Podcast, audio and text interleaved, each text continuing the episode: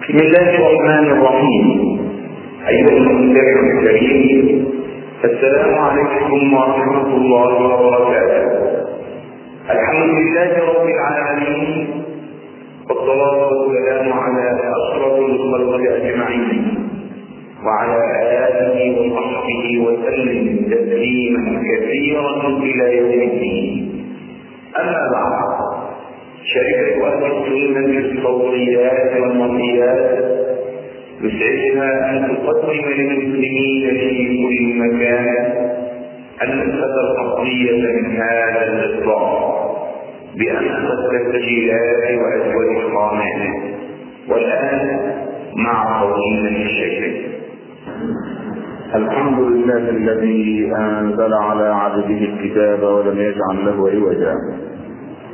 سبحانه له دعوة الحق حق عليها واوجب التبشير بها ولتكن منكم أمة يدعون إلى الخير ويأمرون بالمعروف وينهون عن المنكر وأولئك هم المفلحون.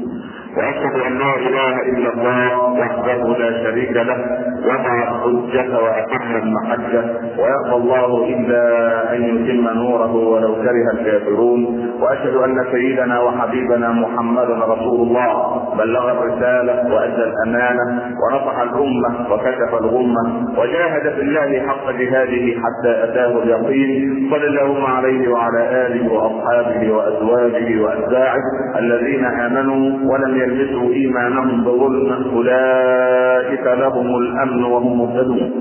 أما بعد أيها الأخ المسلم الكريم كلنا يحفظ حديث رسول الله صلى الله عليه وسلم الذي يقول فيه لن تزول قدم عبد يوم القيامة إلا بعد أن يسأل عن أربع أو حتى يسأل عن أربع. عن عمره فيما افناه وعن شبابه فيما أبلاه. وعن علمه فيما صنع فيه وعن ماله من أين اكتسبه وفيما أنفقه. وكلنا يحفظ في سورة الكهف عندما يتكلم القرآن عن هؤلاء الذين ساروا في طريق الله عز وجل نحن نقص عليك نبأهم بالحق. إنهم فتية آمنوا بربهم وزدناهم هدى. وكلنا يحفظ في كتاب الله عز وجل عندما رأى الكفار من معشر أو من قوم إبراهيم عليه السلام الأصنام وقد كسرت قالوا سمعنا فتى يذكرهم يقال له إبراهيم. وكلنا يحفظ في سورة يوسف عندما يتحدث ربنا عز وجل إلينا ولما بلغ أشده آتيناه حكما وعلما. وكذلك نجزي المحسنين ثم بعد ذلك في طول القرآن وعرضه وفي طول السنة وعرضها الحديث عن الفتية وعن الشباب الذين هم عصب كل أمة. اللهم اعصم شبابنا من كل سوء يا رب العالمين وأبعد عنهم شياطين الإنس والجن واجعلهم خير جند لك يا أكرم الأكرمين. إنك يا مولانا على ما تشاء قدير. حديثنا اليوم بمشيئة الله عز وجل إلى أبنائنا الشباب.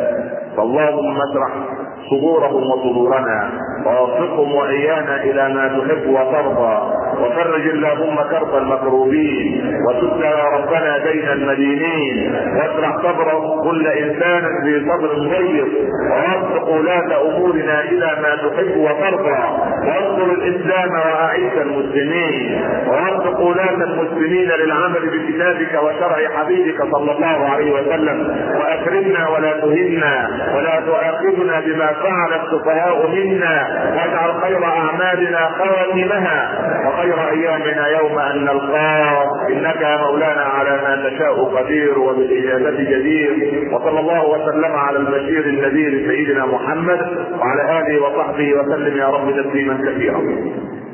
أيها الإخوة الأحباب الشباب كلنا يعلم أنه عصب الأمة. وتعالوا لنستقرئ التاريخ قبل رسول الله صلى الله عليه وسلم. وفي حياته عليه الصلاة والسلام ثم في السلف الصالح الذين تتلمذوا على يد الصحابة وعلى أيدي التابعين اللهم احشرنا في زمرة الصالحين يا أكرم الأكرمين. الرسول عندما نزل عليه جبريل عليه السلام لاقرا كم كان عمره ساعتها؟ أربعون عاما. كلها الشباب. أبو بكر عندما دخل في الإسلام كم كان عمره؟ الثامنة والثلاثين. عمر بن الخطاب عندما نطق بالشهادتين وفرق الله به بين الحق والباطل وأعز الله به الإسلام كم كان عمره؟ ستة وعشرين عاما. أسامة بن زيد الذي ولاه الرسول صلى الله عليه وسلم على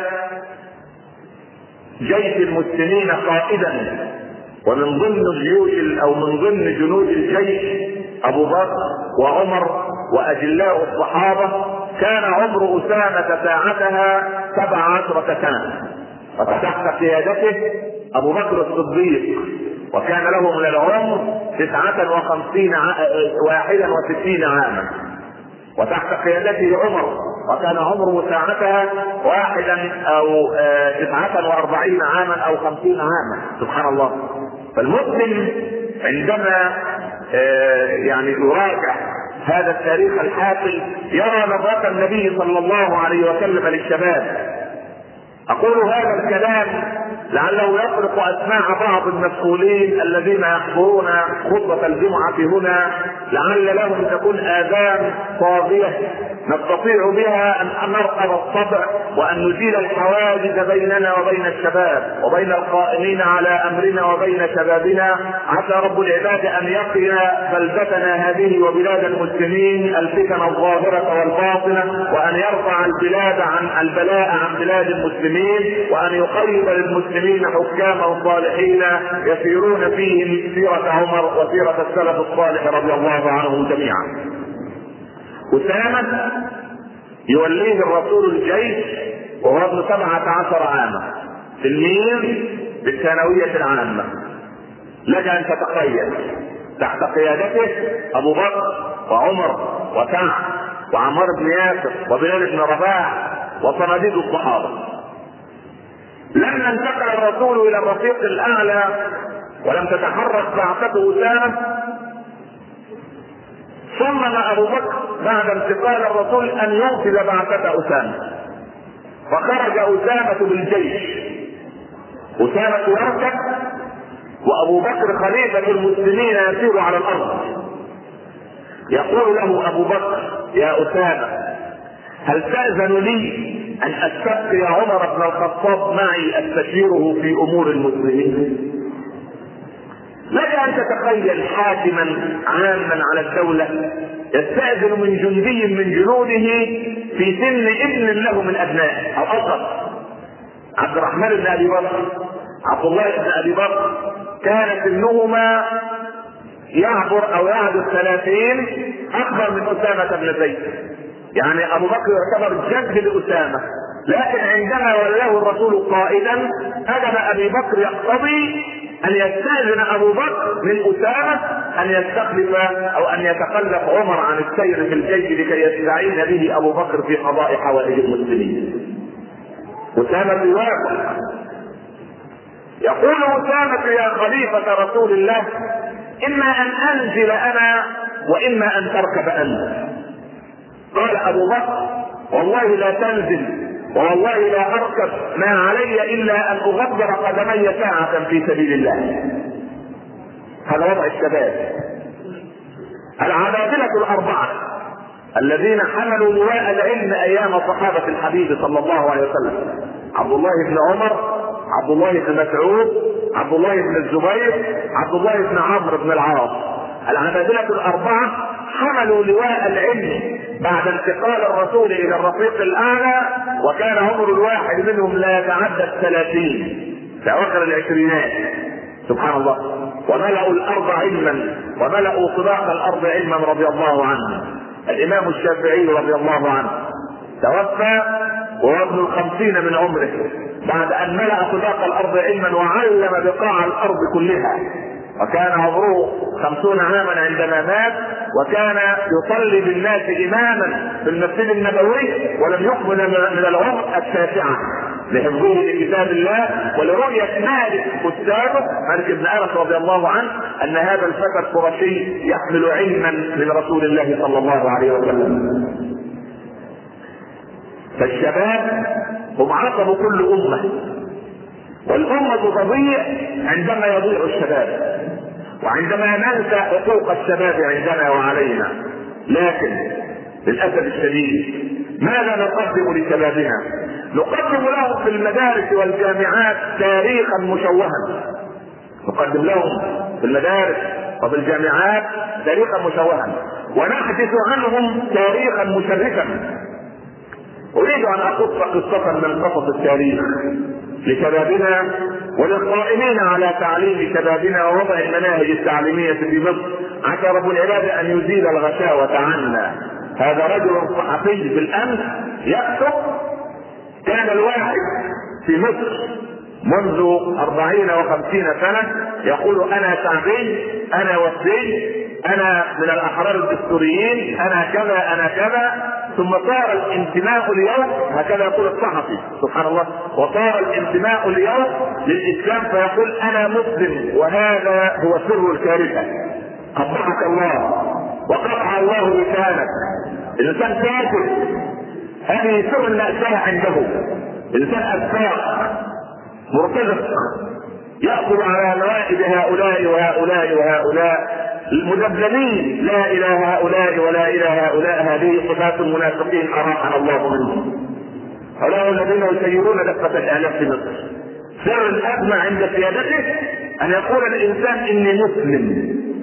سبحان الله. ولا إله إلا الله. نحن نعتز بإسلامنا. مخلصين له الدين ولو كره الكافرون. الله عز وجل خالقنا. والحبيب صلى الله عليه وسلم قائدنا.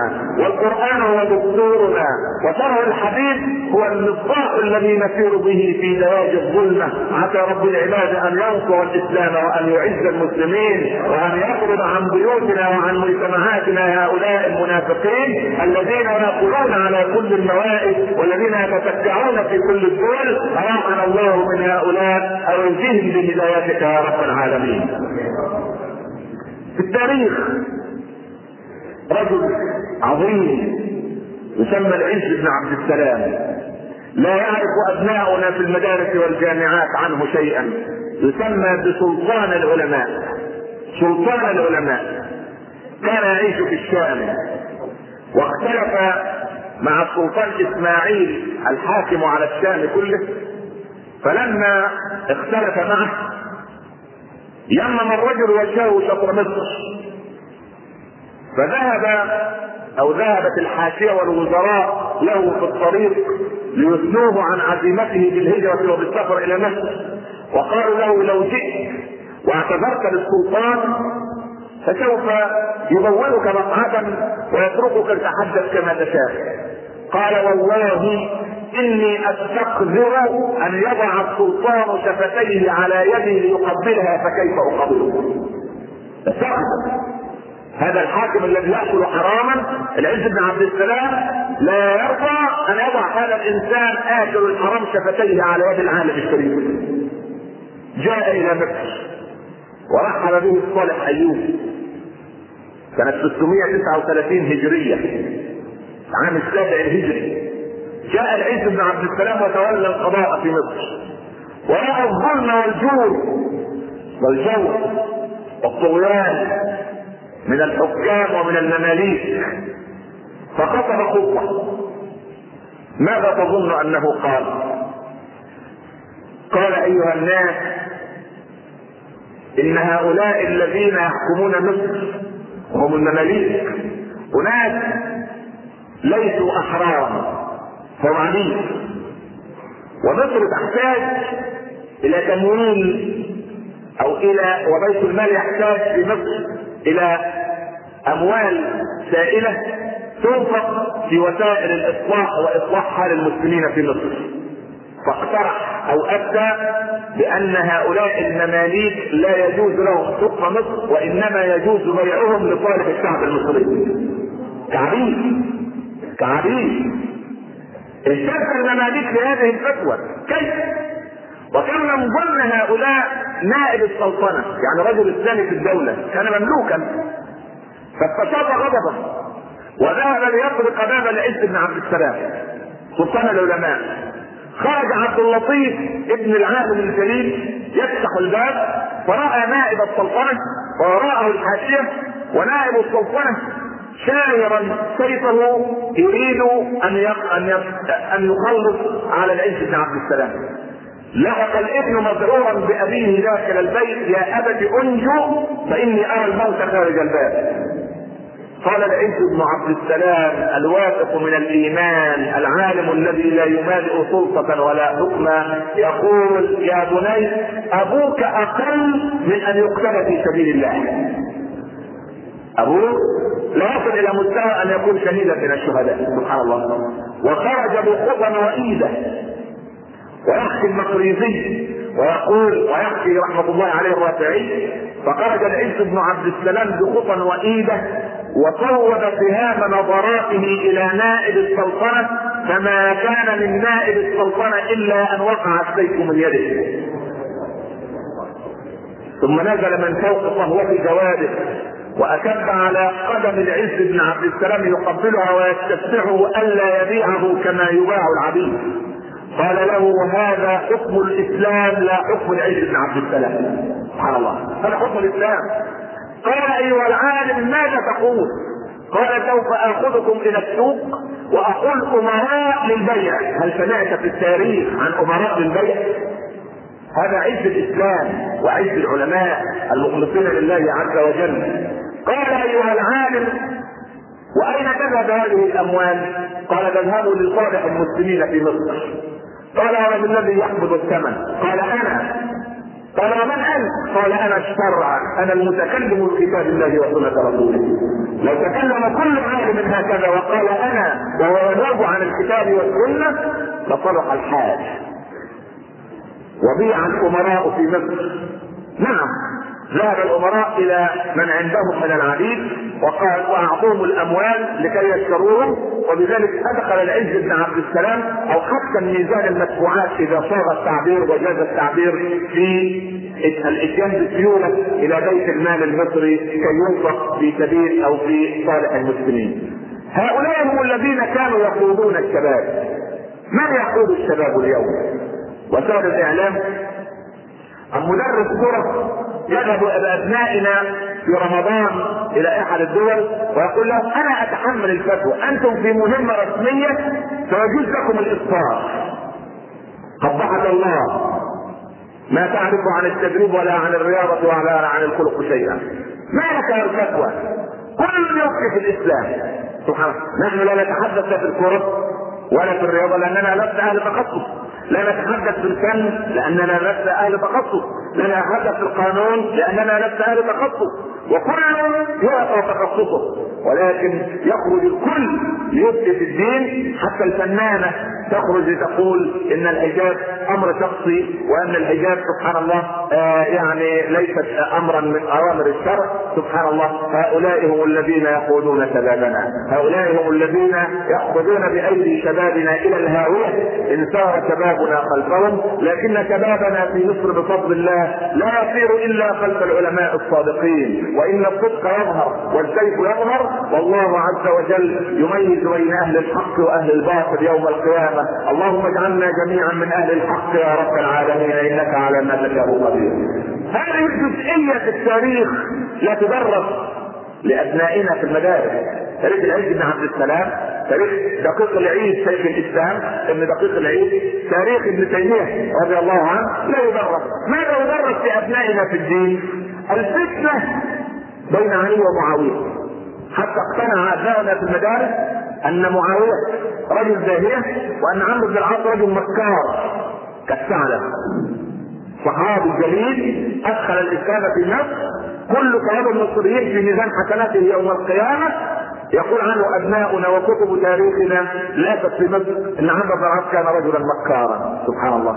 للاسف الشديد. يدرس لابنائنا فوائد الحمله الفرنسية التاريخية والثقافية ولا يدرس لهم ماذا كان يريد نابليون من مصر. وماذا كان يصنع برجال الأزهر؟ وماذا كان يصنع برجال الدين أو علماء الدين في مصر؟ لا يدرس هذا لابنائنا للأسف الشديد. لا يدرس لابنائنا أن ماجلان الذي يقال إنه مكتشف كروية الأرض كان رجلا سبحان الله عن مبشر نصراني.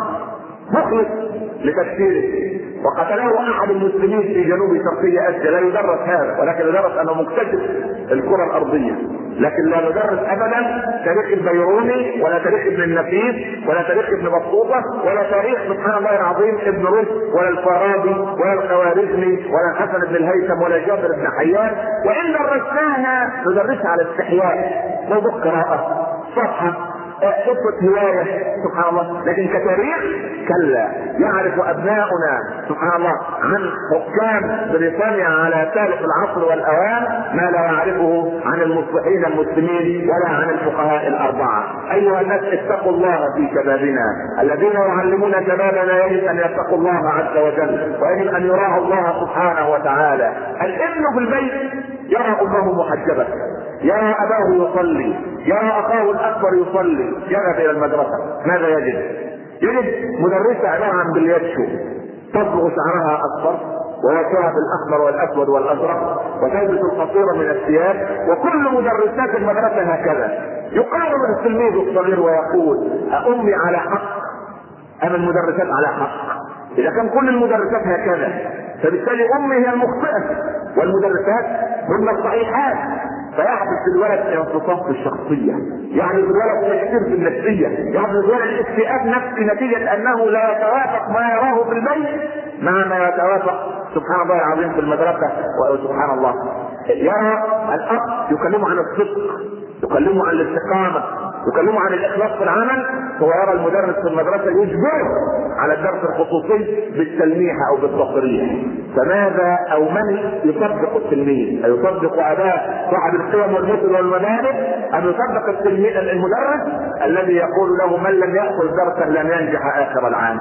من يصدق؟ هؤلاء هم القائمون على أمر شبابنا سبحان الله. منها والأجازة الصيفيه على الأبواب بعد الامتحانات. اللهم خذ يد أبنائنا بالامتحانات يا رب العالمين. سبحان الله. بلغني أن للأسف في حفظ الدين وفي منهج القرآن في بعض كليات الأزهر للأسف الشديد يخبئ التلاميذ والطلاب صفحات من المصحف في الجوارح لكي يغشوا في الامتحان في امتحان القرآن. سبحان الله. الذي نزل على قلب من قال من غشنا فليس منا. سبحان الله. وإذا تحدثت مع الاب أو مع الأم يتعجب الذي يقول المراقبة كانت صعبه الاب مع المدرس عندوش رحمه بابني ماذا تريد؟ أتريد أن يغش ابنك ليخرج غشاشا مثلك؟ نريد إنسان إنسانا صادقا، نريد شابا يعتمد على نفسه، كفانا تدهورا وكفانا رجوعا، أنا أقول دائما التلميذ الذي لا يحصل على 80% في الثانوية العامة أو على جيد جدا في الجامعة لا أريد أن يصلي خلفي، لأنه إنسان فاشل في الحياة، لا أريد إنسان يرسم عاما وعامين في العام الدراسي ويحمل أباه فوق طاقته. لا أنا أريد شبابا نائما في العلم مستقيما في الدين يعرف ربه ويعرف حقوقه ويعرف كيف يبر أباه ويحترم أستاذه ويطيع أمه ويوقر كبيرنا ويعطف على صغيرنا ويعرف لعالمنا حقه. نريد من شبابنا الإخلاص وأن يتأتى بالشباب الذين رباهم رسول الله صلى الله عليه وسلم. عبد الله بن الزبير رضي الله عنه لم يكمل السابعة من عمره. سبع سنوات. يلعب مع الصبيان في الشارع في إمارة أمير المؤمنين عمر. لما رأى الأطفال أمراء ولا يهاربين توقف ابن الزبير. يا بني لم لم تهرب مع من هرب من إخوانك؟ قال يا أمير المؤمنين ليست الطريق ضيقة حتى أوسعها لك ولست مذنبا حتى أخاف منك. فلما أهرب ما أنت أنا عبد الله بن الزبير. ابوه من؟ الزبير بن العوام أحد العشرة المبشرين بالجنة. أمه من؟ أسماء بنت أبي بكر الصديق. ها؟ هذه التربيه سبع سنوات. انظر إلى الطفله في التلفزيون سبع سنوات. ترقص كالزنبلة سبحان الله سبع سنوات. وتجيب حتى بلغنا أن هناك مدارس في مصر للباليه وللرقص كفانا بلايا. يعني سبحان الله المصائب تنزل من كل ناحية حتى نفتح سبحان الله يعني ماذا تسمي أنت معهد الباليه؟ ها؟ معهد الفن ام معهد ماذا؟ ماذا تسميه أنت؟ من عرف أو من داخل الكتاب والسنة لو جاء رسول الله صلى الله عليه وسلم وسار امام معهد الباليه وسأل ما هذا؟ ماذا تقول أيها المسلم له؟ ماذا تقول لرسولك؟ هذا معهد الفن الراقي؟ ماذا تقول لو جاء رجل كأبي بكر أو عمر بن الخطاب ودخل إلى حمام سباحة مشترك وراى النساء وهن يلبسن المايوهات أو على الشط سوف يقول عمر أين أنا؟ هل أنا في بلد مسلم أم في بلد كسرى أو قيصر؟ دخل ذات مرة عمر على رسول الله صلى الله عليه وسلم فوجد الخطير قد أثر في جنبه الشريف صلى الله عليه وسلم يا رسول الله كسرى وقيصر وهما يعصيان الله يرفلان في الحرير والديباج وتنام أنت على حصير يؤثر في جنبك. قال افي شك أنت يا ابن الخطاب؟ إنها نبوة لا ملك وشقاء أمتي يوم يكون فيها كسرى ويوم يكون فيها قيصر صدقت يا رسول الله. شقاء الأمة يوم يكون فيها كسرى. المدرس في المدرسة كسرى والناظرة في المدرسة قيصر ورئيس الجامعة كسرى ومدير المستشفى كسرى ومدير المصلحة كسرى والوزير قيصر ونسأل الله السلامة. الابن في البيت قيصر الأم في البيت كسرى. للأسف. لا تواضع لا خلق لا إخلاص. كل يتصور أن الكرسي لخدمته الشخصية. سبحان الله ذهب عرابي إلى الخديوي فلما عرض عليه مطالب الشعب قال له الخديوي ما أنتم إلا عبيد إحساناتنا. سبحان الله الخديوي كان يسير في خط فرعون ما علمت لكم من إله غيري. أنا ربكم الأعلى. هكذا كل جبار في الأرض. ولكن من فهم وتدبر أخذه الله أخذ عزيز المقتدر. يعني كما قلنا من قبل إن كل موظف جماهيري من أصغر موظف إلى أكبر موظف في البلد يجب عليه أن يشعر أنه خادم عند الناس أجير عندهم. أموالنا هي التي يقبض منها اجره فيجب عليه أن يستشعر أنه خادم لهؤلاء الناس. خادم عندهم لا سيدا يطيع في هؤلاء ولا يبث إلا من معه كرت أو من معه وساطه أو من وقي عليه بتليفون أو غيره. حتى إن الجميع لا يستحي عندما يذهب في هيئات معينة ما واسطتك واسطتي اللواء فلان. أدخل. وصفة المستشار فلان. أدخل. وصفتي فلان الفلاني ليه أدخل. وصفتي الله رب العالمين. أدخل. لا إله إلا الله.